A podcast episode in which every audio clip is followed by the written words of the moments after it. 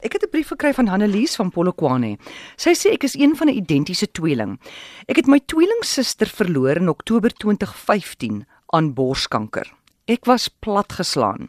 So daai Desember is toe my eerste Kersfees sonder my ander identiese helfte.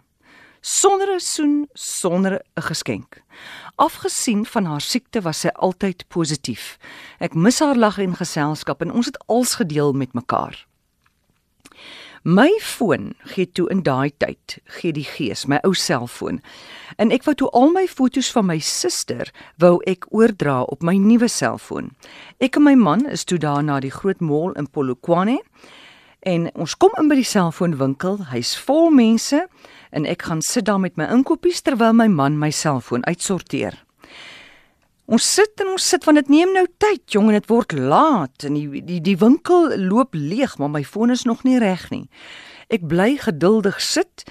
Die personeel maak toe al die deure toe, jy weet, dis byna 6uur. En toe sit net ek en my man oor in die winkel.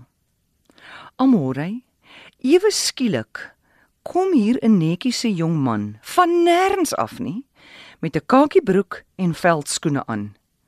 Hy stap na my Hy kniel voor my. Hy vat albei my hande in syne. En hy sê: "Ons weet jy het jou suster verloor en ons deel in jou hartseer. Dit gaan tans baie goed met haar. Sy's volkome gesond en sy's gelukkig en daar word na haar gekyk."